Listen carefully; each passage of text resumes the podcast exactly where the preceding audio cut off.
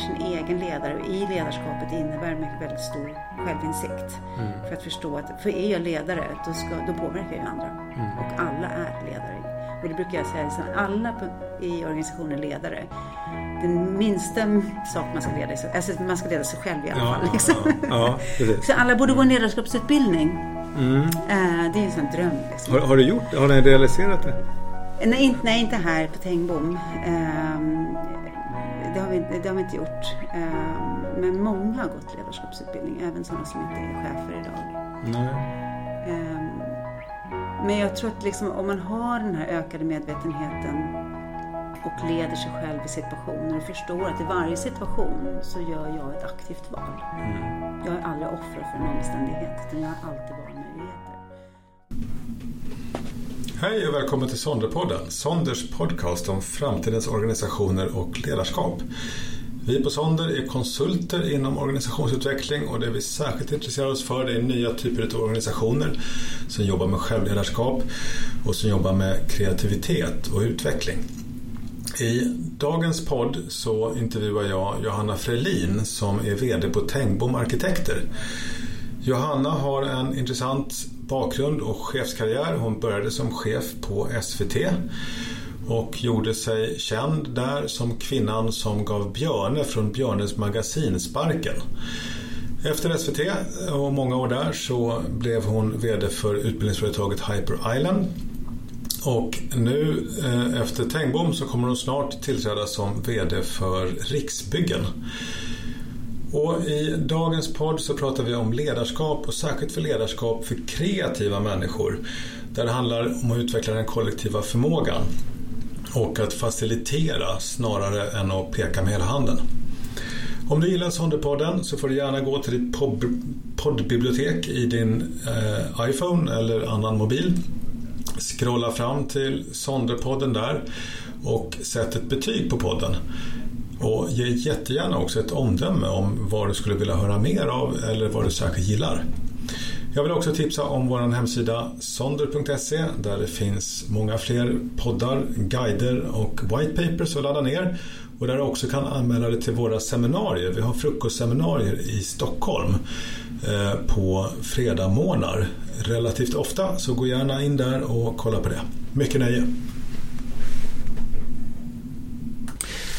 Vad bra, hej Johanna! Hej! Välkommen till Sonderpodden! Tack så mycket!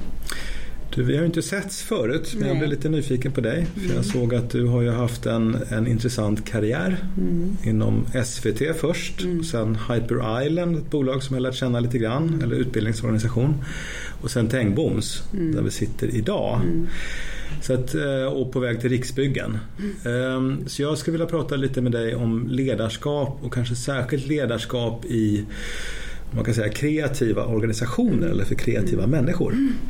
Och även sådana som har någon form av samhällsinriktning, ja, samhällsansvar. Alltså det finns ju några olika mm. parametrar som känns som att det är intressant att prata om. Mm. Ehm, och, och som matchar lite grann det som vi tänker och tror mycket på Sonder också. Mm.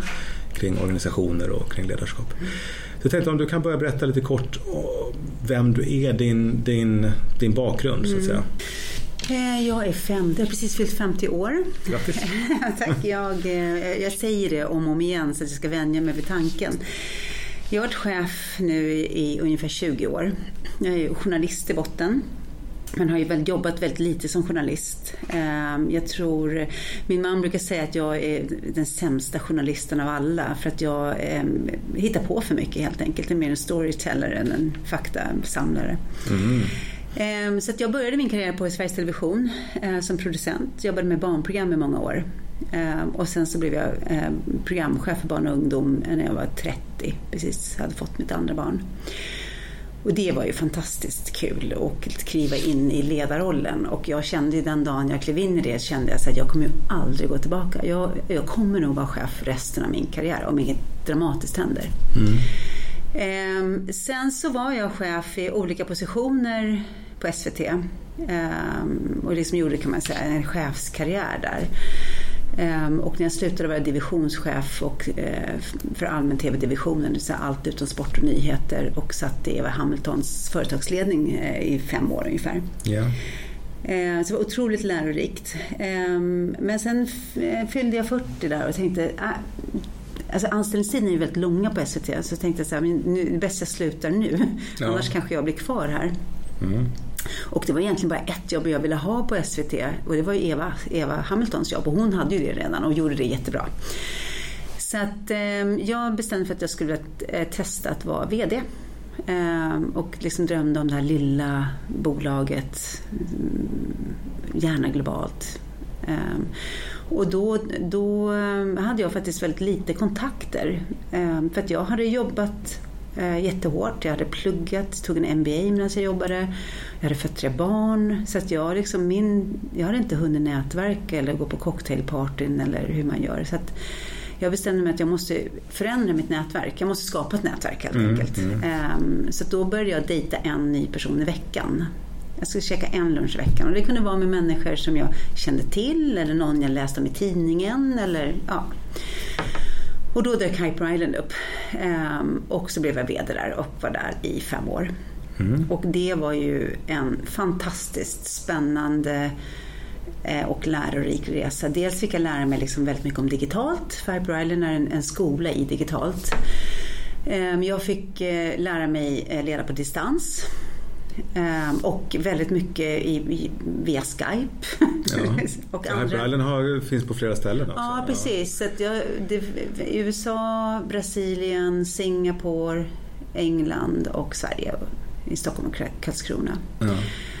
Ehm, och jag fick lära mig väldigt mycket innovationsmetodik och ehm, ja, mycket om kreativitet och hur man leder kreativitet. Eh, det hade jag ju gjort liksom på Sveriges Television men inte så metodiskt kanske. Eh, Som jag hade kunnat göra om jag hade haft de här verktygen. Nej. Men efter fem år så eh, var jag rätt slut faktiskt. För det, det, är också ganska tufft att leda en organisation som är global. Man, är aldrig, man har aldrig semester egentligen. Mm. Eftersom det är olika ledigheter på olika årstider för olika eh, världsdelar. Mm. Och det var liksom en, en, en, eh, organisation i stark tillväxt. Eh, så att jag var liksom rätt trött och reste jättemycket. Och, vet, jag kunde åka till New York över en dag. Ja. Eh, så att jag kände att jag behöver göra någonting annat för att få lite energi. Så då, och då dök Tengbom upp och det var så himla knasigt att bege sig in i byggbranschen så att jag bara var tvungen att säga ja. Okay. Ehm, och blev jätte, jättekonstigt att de ringde mig. Men eh, så, men så sa rekryteraren ändå att du, du, din röda tråd är att leda kreativa människor som tänker att de har som mission att förbättra världen. Mm. Så väldigt starka alltså organisationer och grupper med extremt starka värderingar och där, eh, med stark yrkesstolthet. Journalister, utbildare och nu arkitekter så där eh, det man gör i sitt yrke är liksom viktigare än företaget. Mm. Och det var väldigt tydligt liksom också på Sveriges Television till exempel. Att, liksom att, att vara, visa på transparens, att liksom vara journalist, den tredje makten, det är liksom viktigare än att vara kanske lojal mot företaget. Mm. Därför att det, man, har ett, man känner att man har ett kall. Um, och det tänkte jag, men det, ja det är ju. Det har ja. jag gjort nu. Man satte ord på det du var. Ja, precis. Ja. Vad bra, tack för att jag fick en röd tråd i, min, mitt CV. Ja. Så då säger jag. Um, och så har jag varit här, kommer jag ha varit här ungefär i fyra år som VD på Tengbom. Um, och det har varit otroligt uh, roligt därför att det också det var en organisation som egentligen bestod av en mängd förvärv. Så jag har verkligen fått bygga bolag här, vilket jag tycker är väldigt kul. Att liksom, allt från, eh, det fanns ingen framtidsstrategi, det fanns inga liksom uttalade, så här, man jobbade inte aktivt med värderingar. Eh, det fanns liksom ingen mission, inget why. Det, det här som är shit mm. i en organisation. Mm. Och det var väldigt splittrat, det fanns väldigt många Tengbom. Eh, många olika Tengbomkulturer. Mm. Och, eh, så det, det har jag ju då jobbat med eh, samtidigt som jag har jobbat med olika processer. Jag är ju inte arkitekt själv så jag, kan inte, jag får ju jobba med processer för att öka kvaliteten på arkitekturen. Så jag har jobbat liksom med lönsamhet, kvalitet och medarbetarengagemang eh, väldigt metodiskt och mätbart under de här åren. Är det partnerägt Tengbom? Både och. Alltså det, det är ägt av Sobro eh, som är ett, ett, portföljbolag kan man säga som har olika innehav. Och sen till 70 procent och 30 procent är ägt av 100 partners. Ja. Så att vi, eh, när jag började var det bara 20 partners men vi startade ett partnerprogram för att öka på eh, partnergruppen för jag tycker det här kollektiva ägandet är väldigt härligt. Mm. Ehm, och jag tycker att det skapar mycket, jag tänker jättemycket på hur kan få människor att vara engagerade. Mm. Och man är ju engagerad i sina projekt såklart, arkitektprojekten. Men hur kan få dem också att ha det här starka engagemanget för företaget? Mm. Och då är partnerskapet ju ett verktyg i det. Mm. Så att, och det har verkligen fungerat. Jag tänker att det finns en grej med partnerägda organisationer. Jag har haft lite erfarenhet av just arkitektbyråer mm. och, och liknande organisationer. Mm. Sen har jag själv jobbat hela min karriär i konsultbolag ja. som också är liksom partnerorganisationer. Mm. Och det speciella som jag tänker det är ju att du har ju en stark förankring i själva yrket mm. i din professionella identitet ja. som ja, konsult, arkitekt, eh, musiker eller vad det är för ja, någonting, typ av verksamhet. Men Däremot så har jag alltid det har alltid varit en utmaning, alla de ställen som jag har mött ja. i alla fall. Det här med det affärsmässiga ja. eller få in processer Absolut. eller liksom att, att allt som, som andra bolag som är mera säga, traditionella byråkratier ja, som absolut. inte har en partsstruktur. De, de brukar ha lättare för den här typen absolut. av formella strukturer. Så jag vet inte vad det är. Och jag, nej men jag, jag håller med dig. Ehm, och jag tror att det var, det var bra för Tengbom den dagen Sobro klev in. Det är kanske åtta år sedan nu, eller sju år sedan. Ehm, därför att då tvingades ju Tengbom in i allt från månadsrapportering till liksom, mm. att ha ordning och reda i byrålådan. Mm. Um, så det, det tycker jag, på det sättet är ju Tengbommen en hybrid. Men jag kan förstå att i partnerägda, för, helt partnerägda företag så spelar det kanske inte så stor roll tycker man. Liksom, det är inte det viktigaste. Nej. Sen gjorde vi ju någonting också. Vi bestämde oss för, för några år sedan att vi skulle gå mot en ISO-certifiering. Mm. Um, och det, det, det har ju också varit en stor motor i att skapa ordning och reda och strukturer och bestämda processer. Eh, för det kräver ju en ISO-certifiering mm. Ehm, och ett ledningssystem som vi följer. Liksom. Ehm, så jag tror att det har också hjälpt i det här förändringsarbetet. För att, ehm, jag tror att alla arkitekter tycker att det är fräscht att vara ISO-certifierade. Mm. Men det då kräver ju att alla går in i ett gemensamt arbetssätt. Ja, det måste varit en lång, alltså en rent vad ska jag säga, mognadsprocess och mycket lärande. Ja, absolut. Och det tog, alltså, så, jag tror att vi, vi har försökt jobba enligt ISO-standard i två år innan vi bjöd hit en eh, certifieringsorgan. Ja, ja, det brukar ju ta sin tid. Vi behövde mm. träna eh, och förbättra, jobba med ständiga förbättringar. Och sen kunde vi liksom inte liksom, trycka ut hela arbetssättet i ett, man får ta delar. Liksom. Ja. Det blir ju ganska mastigt ofta när man jobbar med sådana. Ja, men det blir det. Och vi har verkligen försökt göra enkelt. Mm. Ehm, men ändå skapa den kvalitet som vi ändå tycker är eh, viktig för våra kunder. Mm. Jag har ju sett, eh, du, du finns ju lite grann på nätet, eh, mm. sådana YouTube-klipp och sånt. Mm. Och någonting som jag fäste mig vid när jag lyssnade på ett sånt igår, mm. det var att du pratade om det här med tillit som mm. en, en viktig pusselbit i ledarskap. Ja. Är det någonting som du liksom haft med dig från scratch mm. när du var chef på SVT mm. mm. eller är det någonting som har vuxit fram? Alltså har det varit någon särskild insikt som... Mm. Hur, hur, hur, hur har du kommit fram till det? Alltså jag tror att det... För, från, liksom för mig så tror jag att det är någonting som jag har fötts med. Att jag har en... Jag känner väldigt snabbt väldigt stark tillit till människor. Mm. Ehm, och ibland så känner jag alldeles för snabbt tillit.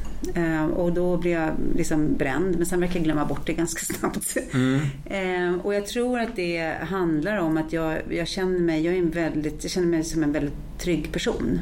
Mm. och eh, med båda fötterna på jorden och känner mig liksom väldigt grundad. Jag tror att det är liksom en slags eh, självkänsla som gör att jag väldigt snabbt känner tillit för andra. Mm. Så jag tror att ur mitt perspektiv så är det liksom en inifrån grej. Mm. Ehm, jag är, blir nästan aldrig besviken. Jag tycker tillit är otroligt viktigt i ledarskapet. Därför att eh, människor eh, växer alltid med den uppgiften. Och jag vet ju själv när eh, mina ägare eller min chef inte litar på mig utan kontrollerar mig. Ja. Det tar fram det sämsta hos mig. Jag blir så jäkla irriterad. Och känner mig liksom micromanaged. Eh, jag tycker inte de fattar, jag tycker inte de hör vad jag säger och det tar liksom fram liksom någon slags rebellisk sida hos mig. Att jag liksom nästan skiter i att göra grejer. Mm, mm. ehm, och jag tänker jag att det är ganska vanligt att liksom människor blir väldigt irriterade över motsatsen mm. till tillit. Så därför tycker jag tillit är otroligt viktigt. Ehm, jag tänker också att det är liksom, ju högre chef du blir, desto mindre specialist är du också. Ja. Och eh, om du inte kan lita på att dina medarbetare är kompetenta att fatta sina egna beslut, då måste du byta medarbetare. Ja. Mm. Därför att det går för långsamt om, det ska om det, alla saker ska runda mig, om jag ska ha information om allt, om jag ska kunna kontrollera allt eller följa upp. Då får de ju ingenting gjort, för då blir jag en propp. Ja. Och jag vill ju att det ska gå så fort som möjligt. Och då mm. får det hellre bli lite fel ibland. Mm. Um, för jag tycker också att liksom, när man litar på människor um, det är väldigt sällan folk gör en besvikna utan människor axlar ofta den rollen. För de flesta människor i vårt samhälle vill göra ett jäkligt bra jobb. Mm. Sen finns några få liksom, um, som kanske inte vill det men de, de, de är så få så att man behöver inte styra efter dem. Jag tänker också, det här är ju som du pratar själv om, en missionsdriven organisation ja. och um, en kreativ organisation mm. så att säga. Ja. Har, jag tänker i den dimensionen när det kommer till tillit. Ja. Är, tror du att det är en extra viktig sak i en sån Absolut. organisation? Är det, är det samma, tror du att det skulle vara samma sak om det hade varit liksom en industri, eh, ett industriföretag eller sådär? Eller vad? Mm. Alltså jag tror ju egentligen det. Jag tror att det är en förutsättning för en kreativ organisation. Mm att man känner att man har lite fria tyglar. Ehm, det tror jag är en absolut förutsättning. Mm. Och det gör också att människor vågar testa saker och ting. Ehm, men jag tror, att det, jag tror att det är djupt mänskligt att vi alla levererar bättre om mm. vi känner oss litade mm. på. Så att jag tror att det egentligen gäller både i familjen, i vänskapsrelationer, i ditt äktenskap, i en industri. Um, att alla liksom levererar bättre om man känner att man är litad på. Mm. Det där är intressant för jag, jag tänker så också. Ähm, ända tills det kommer till mina tonårssöner. Ja, gud ja. Det finns ett undantag. Mellan 14 och 17. jag höll precis på att passera, nu är den yngste 17. Men ja. alltså just det här att, för där kan jag verkligen reflektera själv över, jädrar vad jag, alla mina värderingar, tankar, mm. hur det borde vara ja, fullständigt bryter Nej, samman. Precis. Nej, och jag, jag, jag håller på att ta min tredje tonåring genom tonåren. Min yngsta är 14. Ja. De andra är 19 och 24 så de är liksom förbi. Men eh, vi pratar jättemycket om tillit just. Och hur lång tid det tar att bygga upp tillit. Men hur jäkligt snabbt det går att rasera det. Mm. Um, och man kan göra dumma grejer, men det, vi har så här, men ljug aldrig om det. Alltså, så här, för det, alltså göra dumma grejer, det gör alla. Mm. Men ljuga om det, det är då man naggar på tilliten. Mm. Och det är då man som förälder känner att man vill kontrollera, man börjar liksom ha strängare utetider, vill sätta GPS på dem. Mm, liksom. Mm, um, så det... Alltså, jag brukar tänka i en spiral. Um, öppenhet föder tillit. Så om mm. du är öppna med varandra, då börjar vi lita på varandra. Yeah. Tillit föder öppenhet mm. som skapar ännu mera tillit. Mm. Så det är liksom en spiral. Och ju djupare relation du ska ha ehm, det kan ju vara ett arbetsteam eller med dina barn, så måste du jobba ännu mer med öppenhet och tillitsspiralen. Mm. Ehm, och jag brukar tänka också att ju komplexare uppgift du har mm. som team, eh, desto mer, desto djupare relation behöver du ha, desto viktigare med öppenhet. Och när det kommer till öppenhet, transparens, ofta som, som chef så hamnar ja. du i lägen när du har förtroende, saker, uppgifter du, du, saker du känner till ja. som du inte kan vara öppen ja, med antar jag. Hur, hur, och jag tänker den, hur hanterar du den situationen? Alltså det här när du har svårt med öppenheten.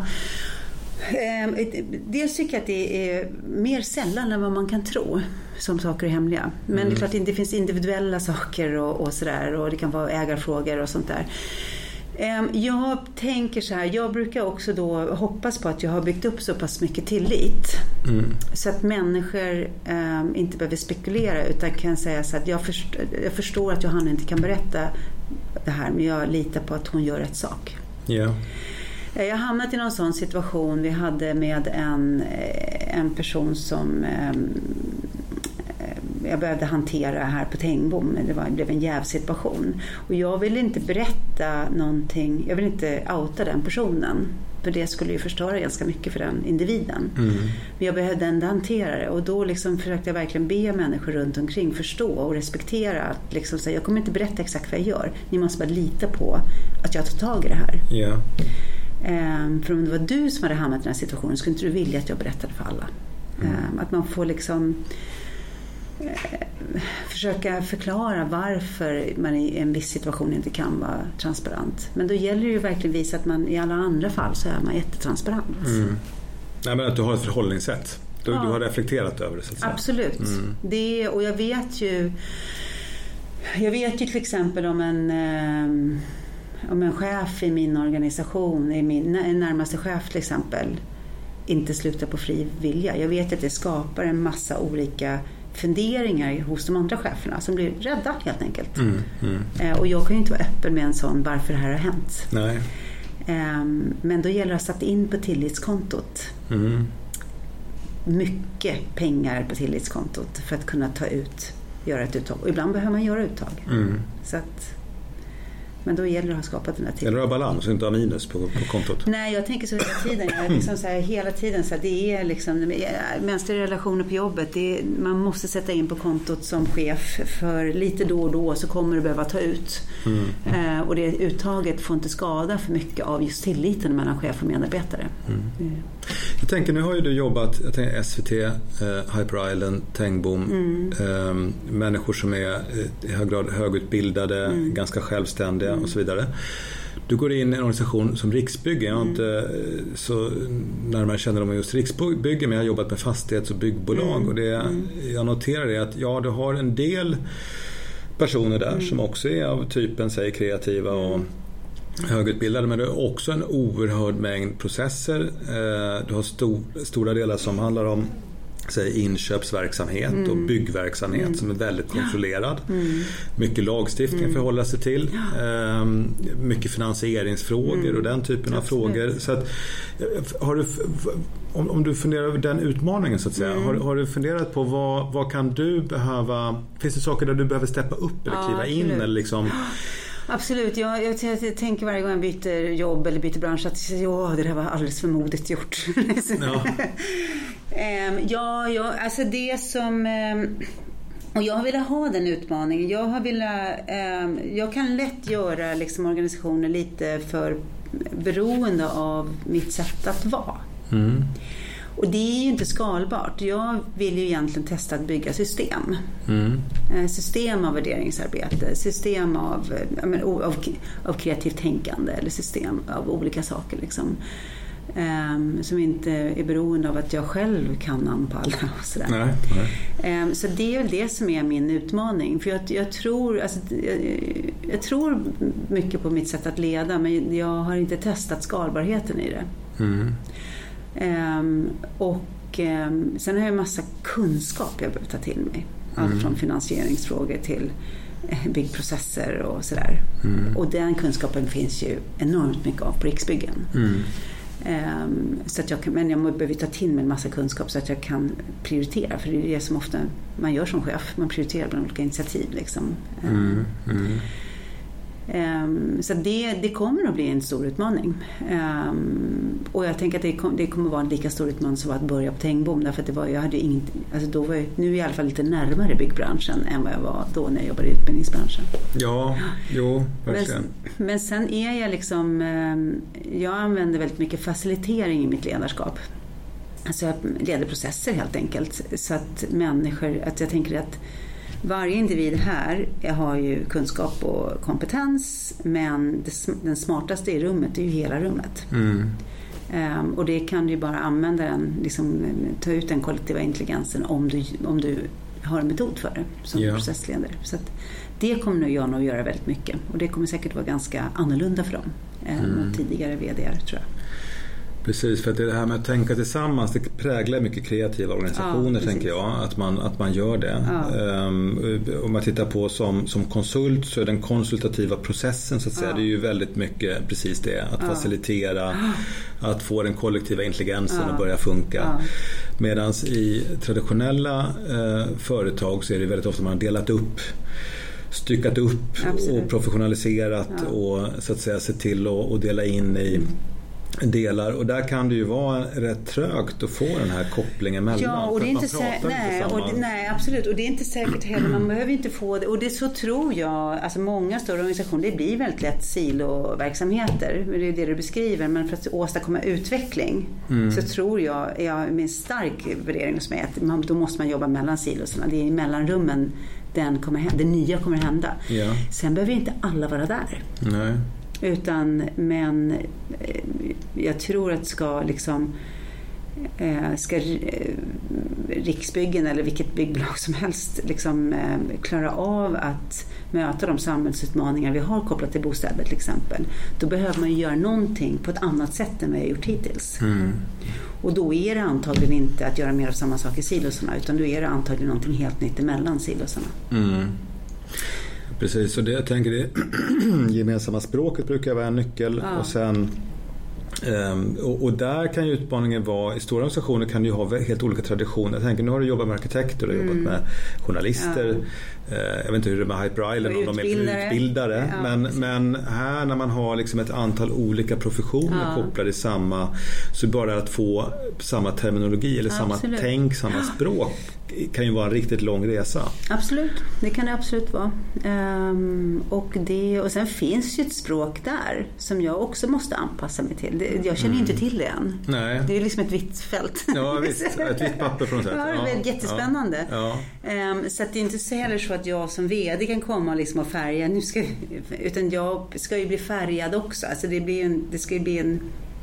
På, man påverkar varandra liksom. Mm. Ehm, men jag tänker också på eh, Riksbyggen tänker jag är också lite likt SVT. Det finns väldigt mycket olika yrkesgrupper. Det är inte så att alla är journalister. Det är väldigt många elektriker, det är målare och det är receptionister och det är, liksom, det är väldigt många hantverkare också. Eh, skräddare liksom. Ja. Och eh, jag tror att det, man får ju liksom ehm, hitta ett språk så, som blir relevant, så tillräckligt konkret Mm. Och relevant ehm, för alla. Ja. För det, Ja. det, jag tror att det är konkretionen där. Det är liksom, så upplever jag ju väldigt mycket på SVT till exempel att det är lätt, man kan inte komma med buzzwords. Nej. Utan det gäller att vara, vara mycket, mycket konkret. Mm. Liksom, om man vill åstadkomma förändring. Mm. Nej men så är det ju. Att, att kunna eh, beskriva. Det handlar mycket om, jag tänker på journalistbakgrund, storytelling någonstans. Ja, att kunna, kunna berätta, Ja. hitta den gemensamma berättelsen någonstans. Absolut. Eh, Så. Vad, vad, är dina, vad har dina bästa stunder varit som, som chef om du tittar tillbaka i åren? Vad, vad är, när, när har du varit riktigt på topp så att säga? Ehm, ja, men jag, om jag tänker så här, eh, så här, när är min favoritsituation?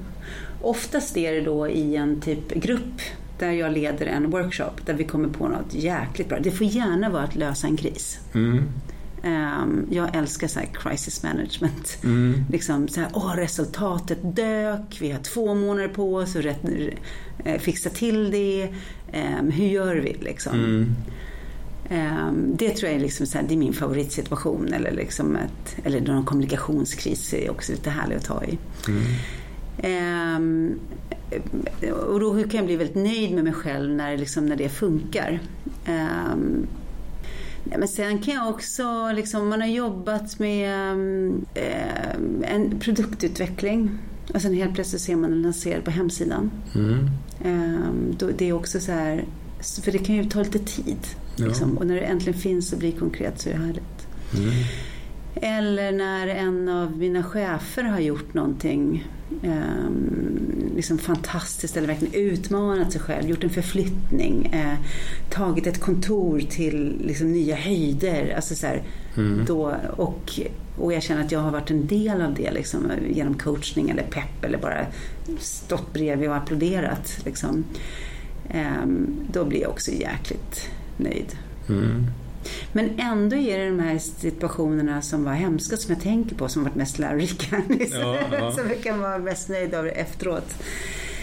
Um, jag lärde mig allt om kommunikation, eh, till exempel när jag helt eh, hamnade ofrivilligt på skandal Aftonbladets löpsedlar tre dagar på raken till exempel. Då var jag 30 mm. år gammal och varit chef två månader. Ja, det var den här Björne-skandalen Ja, precis. Jag bytte ju ut skådisen i Björne. Så ja. det var ju liksom ond kvinna som inte kan någonting om barn eh, sparkar eh, Björne helt enkelt. Mm. Och då lärde jag mig väldigt mycket om kriskommunikation och kommunikation. Och det är ju otroligt. Det var ju väldigt, väldigt jobbigt då eh, mm. för mig. Men eh, jag är ju evigt tacksam för den erfarenheten. Mm. Och sen också en, gång hade jag, som jag också tänker på jätteofta, det är liksom en, en situation där jag hade drivit en stor eh, nedbemanningsprocess på SVT eh, och sen var den över och så skulle jag liksom lansera ett utvecklingsprogram för 60 projektledare och tyckte att jag kom liksom med väldigt så här härliga nyheter. Um, och, och jag tänkte så här i rummet att hade de haft tomater på borden så hade de kastat dem på mig. Okay. Okay. och jag bara fattade inte varför. Liksom. Men förrän efteråt naturligtvis. Att, och det var också en sån... Liksom, då var jag ju på botten men jag tror att den erfarenheten gjorde att jag sen blev på topp i att kunna förstå förändringsprocess och förstå att eh, shit, jag ligger ju så långt före i min tankebana. Mm. Deras eh, kollegor är fortfarande under uppsägningstid. Exakt, empatin. För jag tycker jag upplevt det ofta som konsult. Man sitter med mm. ledningsgrupp som i tankarna befinner sig så långt före ja. organisationen. Och just det, förändringsprocesser är ofta så att, att där springer man för fort fram. Absolut. Och har inte respekt för att det tar tid att jobba igenom grejer i organisationen. Ja. Och det jag också har märkt som en utmaning apropå chefer, om man tänker man har underchefer så att säga. Det är ju att jag tänker bara när jag försöker förstå vad det är för typ av chef ja. så tycker jag känner igen det lite grann. Från, när jag började jobba som konsult så jobbade jag med sådana som har jobbat mycket med, med SAS, som Janne ja, Karlsson på SAS. Mm. Där fanns det lite grann av det här ledarskapet som var en, en, en ganska karismatisk mm. chef som gav väldigt stor frihet. Mm. Eh, människor fick verkligen ta egna ja. initiativ. Eh, men samtidigt klart att det blir ju lätt så att man kringgår lite grann den här hierarkin mm. av typen att jag leder genom mina mellanchefer så att säga. Du vet. Så, och det är som konsult jag upptäckt är alltid ett dilemma det här. Ja. Hur mycket som, som hög chef ska jag så att säga hedra hierarkin, mm. den struktur vi har. Mm. Och hur mycket ska liksom gå igenom? För det, det som de kvaliteter du beskriver här mm. det är ju att du, du går till käll, du har hela tiden koll på, ska, ska vi kalla det för kunden, liksom på situationen. Ja, det, du, du, du, är där. Ja absolut. Och det absolut. Nej, det är klart att det är han, att det är ett dilemma. Jag tycker att jag får träna på att inte att respektera hierarkin. Eh, för det är ju otroligt viktigt för mellancheferna. Mm. Alltså de blir ju galna. Ja. Eh, om jag fattar korridorsbeslut och det har jag gjort många gånger. Men jag tycker att jag har blivit otroligt mycket bättre på att inte göra det. Mm. Eh, men det är ju genom liksom stenhård feedback. Ja, ja. Vilket man kan ha om man har en tillitsfull relation. Då kan man också ge den feedbacken. Mm. Um, och jag, så nu, nu, nu, nu är det liksom automatiserat hos mig att liksom så här, får jag ett liksom, eh, mail eller någon medarbetare vill någonting så eh, kopplar jag in chefen. Jag träffar gärna medarbetare. Jag tycker så att om en medarbetare vill träffas, mm. då ska inte jag säga nej.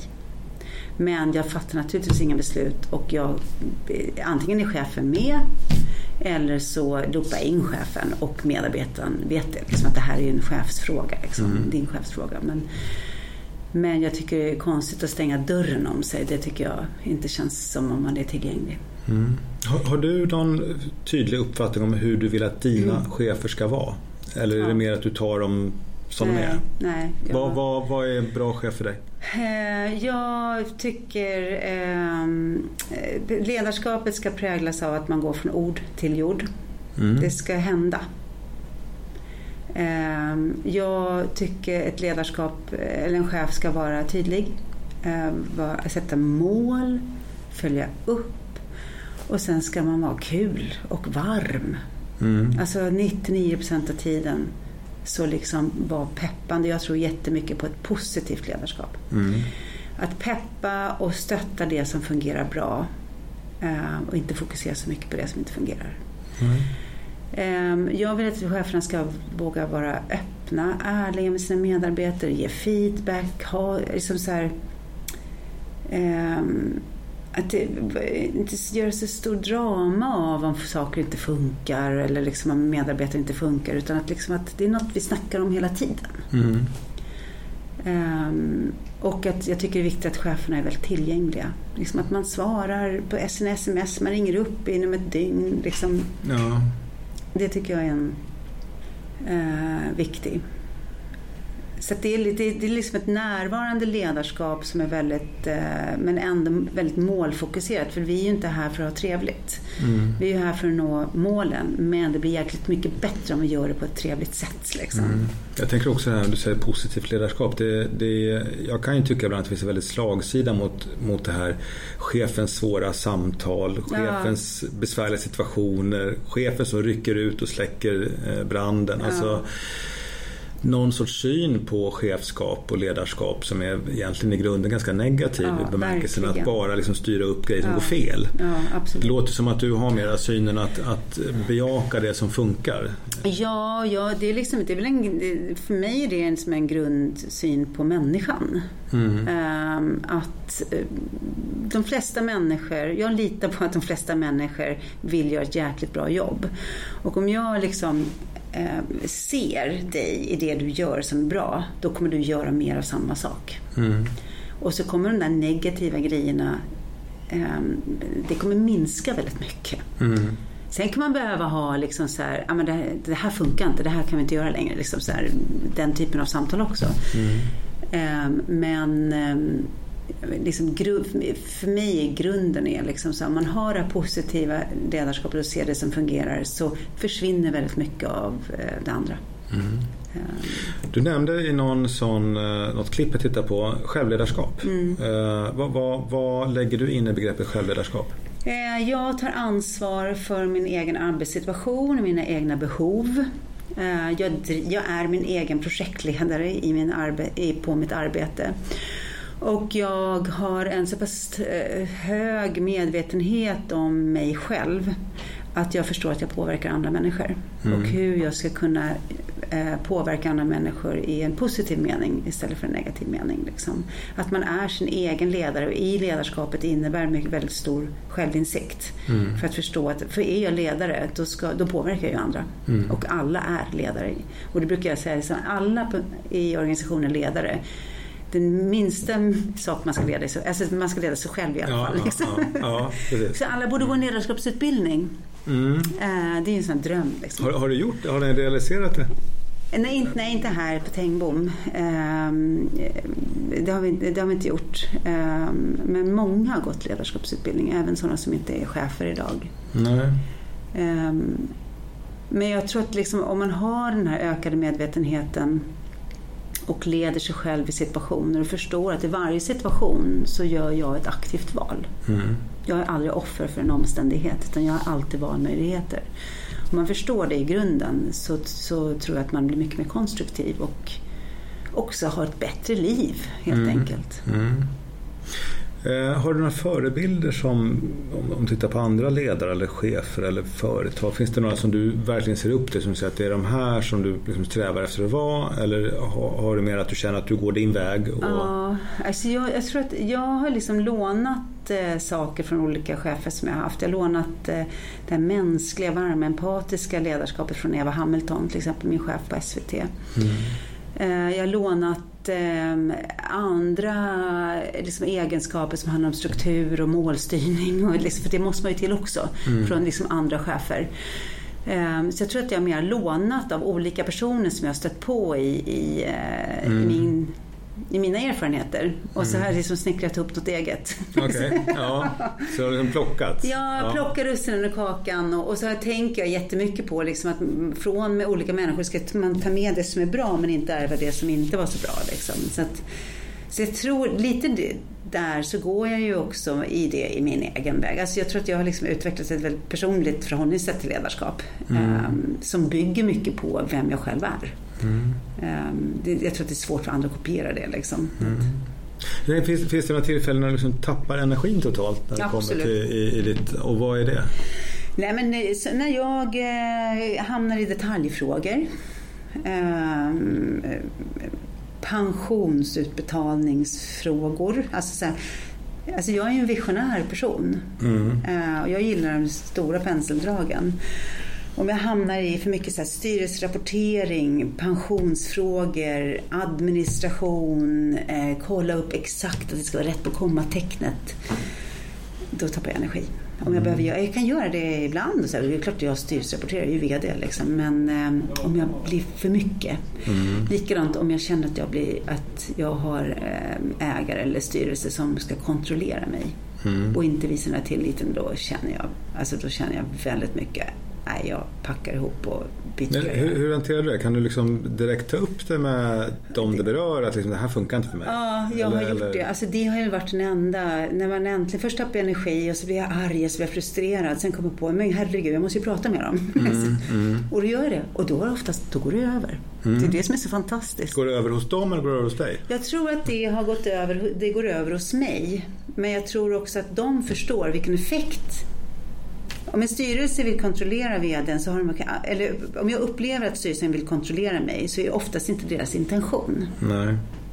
Men de kan också behöva ha den feedbacken att när ni skickar liksom ett frågebatteri till mig um, så känner jag ju mig kontrollerad. Liksom. Mm. Um, så den, så det, då har jag ju tagit upp det med styrelseordförande och då har det ju oftast eh, både försvunnit för mig men också liksom eh, det, vi har förstå, eller han har förstått att liksom, det är klart att den här typen av, av eh, beteende kan tolkas på det här sättet. Mm, mm.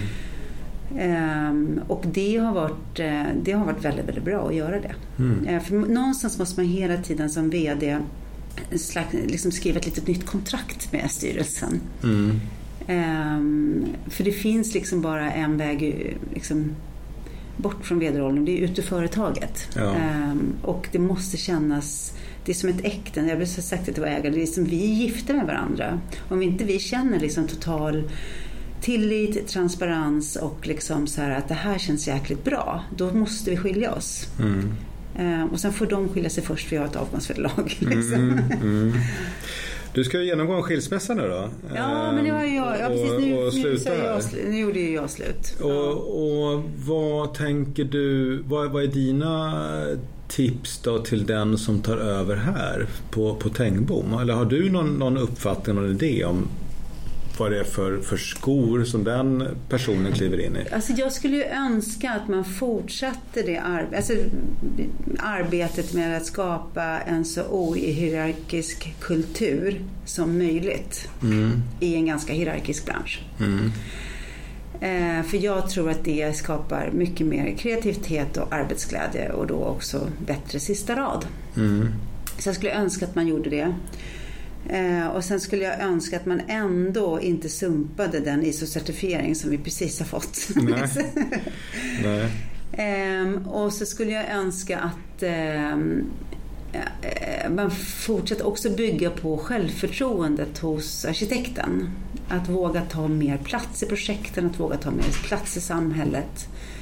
Eh, för att arkitekterna har otroligt mycket kunskap och väldigt starka humanistiska värderingar. Mm. Och det tycker jag de rösterna behövs i vårt samhällsbyggnad. Mm. Ja, men det är intressant för att i Sverige känns det som att arkitekten har inte så framträdande Nej. roll utan Nej, här är det, det byggherrarna som, ja, som bestämmer. Och I Spanien till exempel jag varit så är det ju en helt annan en helt grej. Annan. Och det, och det, kan man ju fundera över varför det är så. Ja, precis. Det har, det har blivit så de senaste 40 åren. Så, att, ehm, så, är, så ser det ut i Sverige. Och i det, och då får man liksom inte känna att man är man får inte få dåligt självförtroende av att systemet ser ut på det sättet. Utan man måste liksom jobba med det systemet och liksom peppa upp sig själv i det. Liksom. Då har du jobbat med två sådana, jag tänker både journalistiken som genomgått hela sitt stålbad med ja. digitaliseringen och, och ju någonstans så går det ut över yrkesrollen. Ja, att journalister blir liksom det är svårt att få jobb som journalist. De som är kvar ja. har väl antagligen stagnerande eller sänkta löner. Ja. Folk får inga, inga fasta anställningar och så vidare. Nej. Arkitektkåren kan jag tänka mig, i alla fall i tider av, av dålig ekonomi, ja, genomgår också den här man får dåligt självförtroende. Ja, är, är det någonting som du har funderat över? Liksom hur, hur hanterar man det här bygga självförtroende i en bransch hos en yrkeskår som, som blir liksom nedtryckt? Eller blir nedtryckt. Egentligen tror jag att det är precis där. Jag tror att det mycket, det vi pratade om tidigare, handlar om självledarskapet. Alltså att man genuint i botten av sitt mage, sin mage och sitt hjärta förstår att man är aldrig en offer av en omständighet. Nej. Utan att man aldrig... All, att man har alltid valet att sätta sig själv i förarsätet. Det är, en, ehm, det är ett förhållningssätt om du, sitter, om du upplever att du själv sitter i baksätet eller i förarsätet. Så förhållningssättet är att jag alltid har ett val? Ja, att, jag har alltid att, att se till val, att påminna om det? Jag styr min egen vardag, jag styr min verksamhet. Mm. Ehm, och att liksom alltid komma ihåg att det finns så här, det här glaset har hälften av glaset har vatten i sig men då kan man ju välja att se om det är halvfullt eller halvtomt. Mm. Eh, det tänker jag jättemycket på och eh, tänker att liksom ett, ett, det är halvtomt om man har dåligt självförtroende. Men det är halvfullt om man har ganska bra självförtroende. Mm. Det är tillräckligt mycket. Liksom. Ja, men det är spännande. För jag tror att där är vi ju ofta på olika ställen. Alltså olika ja. individer har liksom olika läggning. Olika läggning, precis. Eh, och att det är någonting att jobba med. Att, att få in den här liksom, stoltheten. Ja, påminna dem. Ja. Alltså att, att vara, ha ett positivt förhållningssätt. Exakt, och att eh, positivt förhållningssätt och att man, man fokuserar på det du kan, your circle of influence. Mm. Det du faktiskt kan påverka. Liksom, lägg det andra, låt det bli lite luddig, suddigare och fokusera på det. Liksom.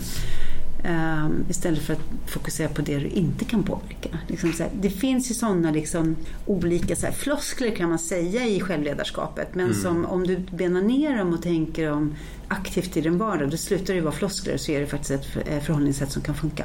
Mm. Ja, det är bra, jag tar med mig det där för vi har precis, Sonder har vunnit eh, ramavtal precis eh, ja. på, för, för Region Stockholm ja. och ska jobba med organisation. Och där har man lite grann också, som jag upplever i den situationen, att du har flera olika yrkeskårer som känner sig väldigt trampade ja, på. Och det är ju ständigt i tidningarna liksom ja, problem, problem, absolut. problem. Att, att det är nog en viktig, alltså en, om det är någonting man behöver jobba med så är det precis det där med alltså självledarskapet och att människor ser att de har ett val. För jag tror precis det där, man känner sig som ett offer för omständigheter exakt. och där någonstans hamnar man snett.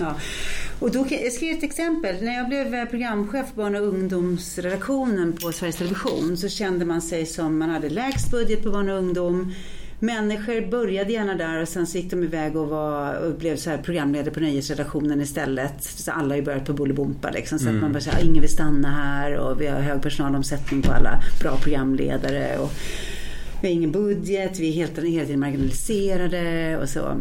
Och, så och jag jobbade jättemycket med att vända på det där. Så man kan antingen se det som att ja, precis alla programledare började på Bolibompa, sen gick de vidare till Melodifestivalen. Eller så ser vi att vi är en testbädd mm. för framtida talang på mm. SVT. Mm. Och när man börjar tänka sig att ja, men det är vi som, det är vår uppgift att, är att ta fram framtida liksom, melodifestival, Eurovisionsfestivalsprogramledare. Mm. Då blev ju den mycket roligare. Um, och då ser man det som en, en, mission istället för ett så här, oh, nu måste vi provfilma nya programledare mm, igen. Mm, liksom. Mm, mm. Så jag tror att mycket, kan man bara vända på perspektivet och se liksom, att förstå liksom, så här, men hur viktigt, alltså de som har dåligt självförtroende i Region Stockholm, så här, ja, men det kanske är så att ja, men vi kanske är viktigaste, för vi ser till att, vad mm. är liksom själva, eh, alltså kan man omidentifiera mission, affärsidé. Mm. Liksom. Nej, det, för det är spännande för där är ju paradoxalt där räddar de ju bokstavligen talat liv. Ja men det är ju eh, asviktigt. Och, och, sam, och sam, samtidigt känner sig nedtryckt. Alltså det finns den här ja. totala motsättningen. Ja. Herre över liv och död och samtidigt ja. känner man sig helt trampad Nej, på och så vidare och, och utbränd och allt för det. Ja. Alltså den här, den här, det blir ju någon sorts enorm diskrepans eh, mellan den här rollen, den yttre rollen och den, den inre känslan. Absolut. Eh, spännande. Du, jag känner att jag ska prata länge länge. Eh, vi måste börja runda av ja. för att hålla det här poddformatet. Men jag tycker det var ett väldigt eh, givande samtal. Mm. Ja, men tack detsamma. Det var jättespännande. Ja, mm. tack så mycket. Tack så mycket.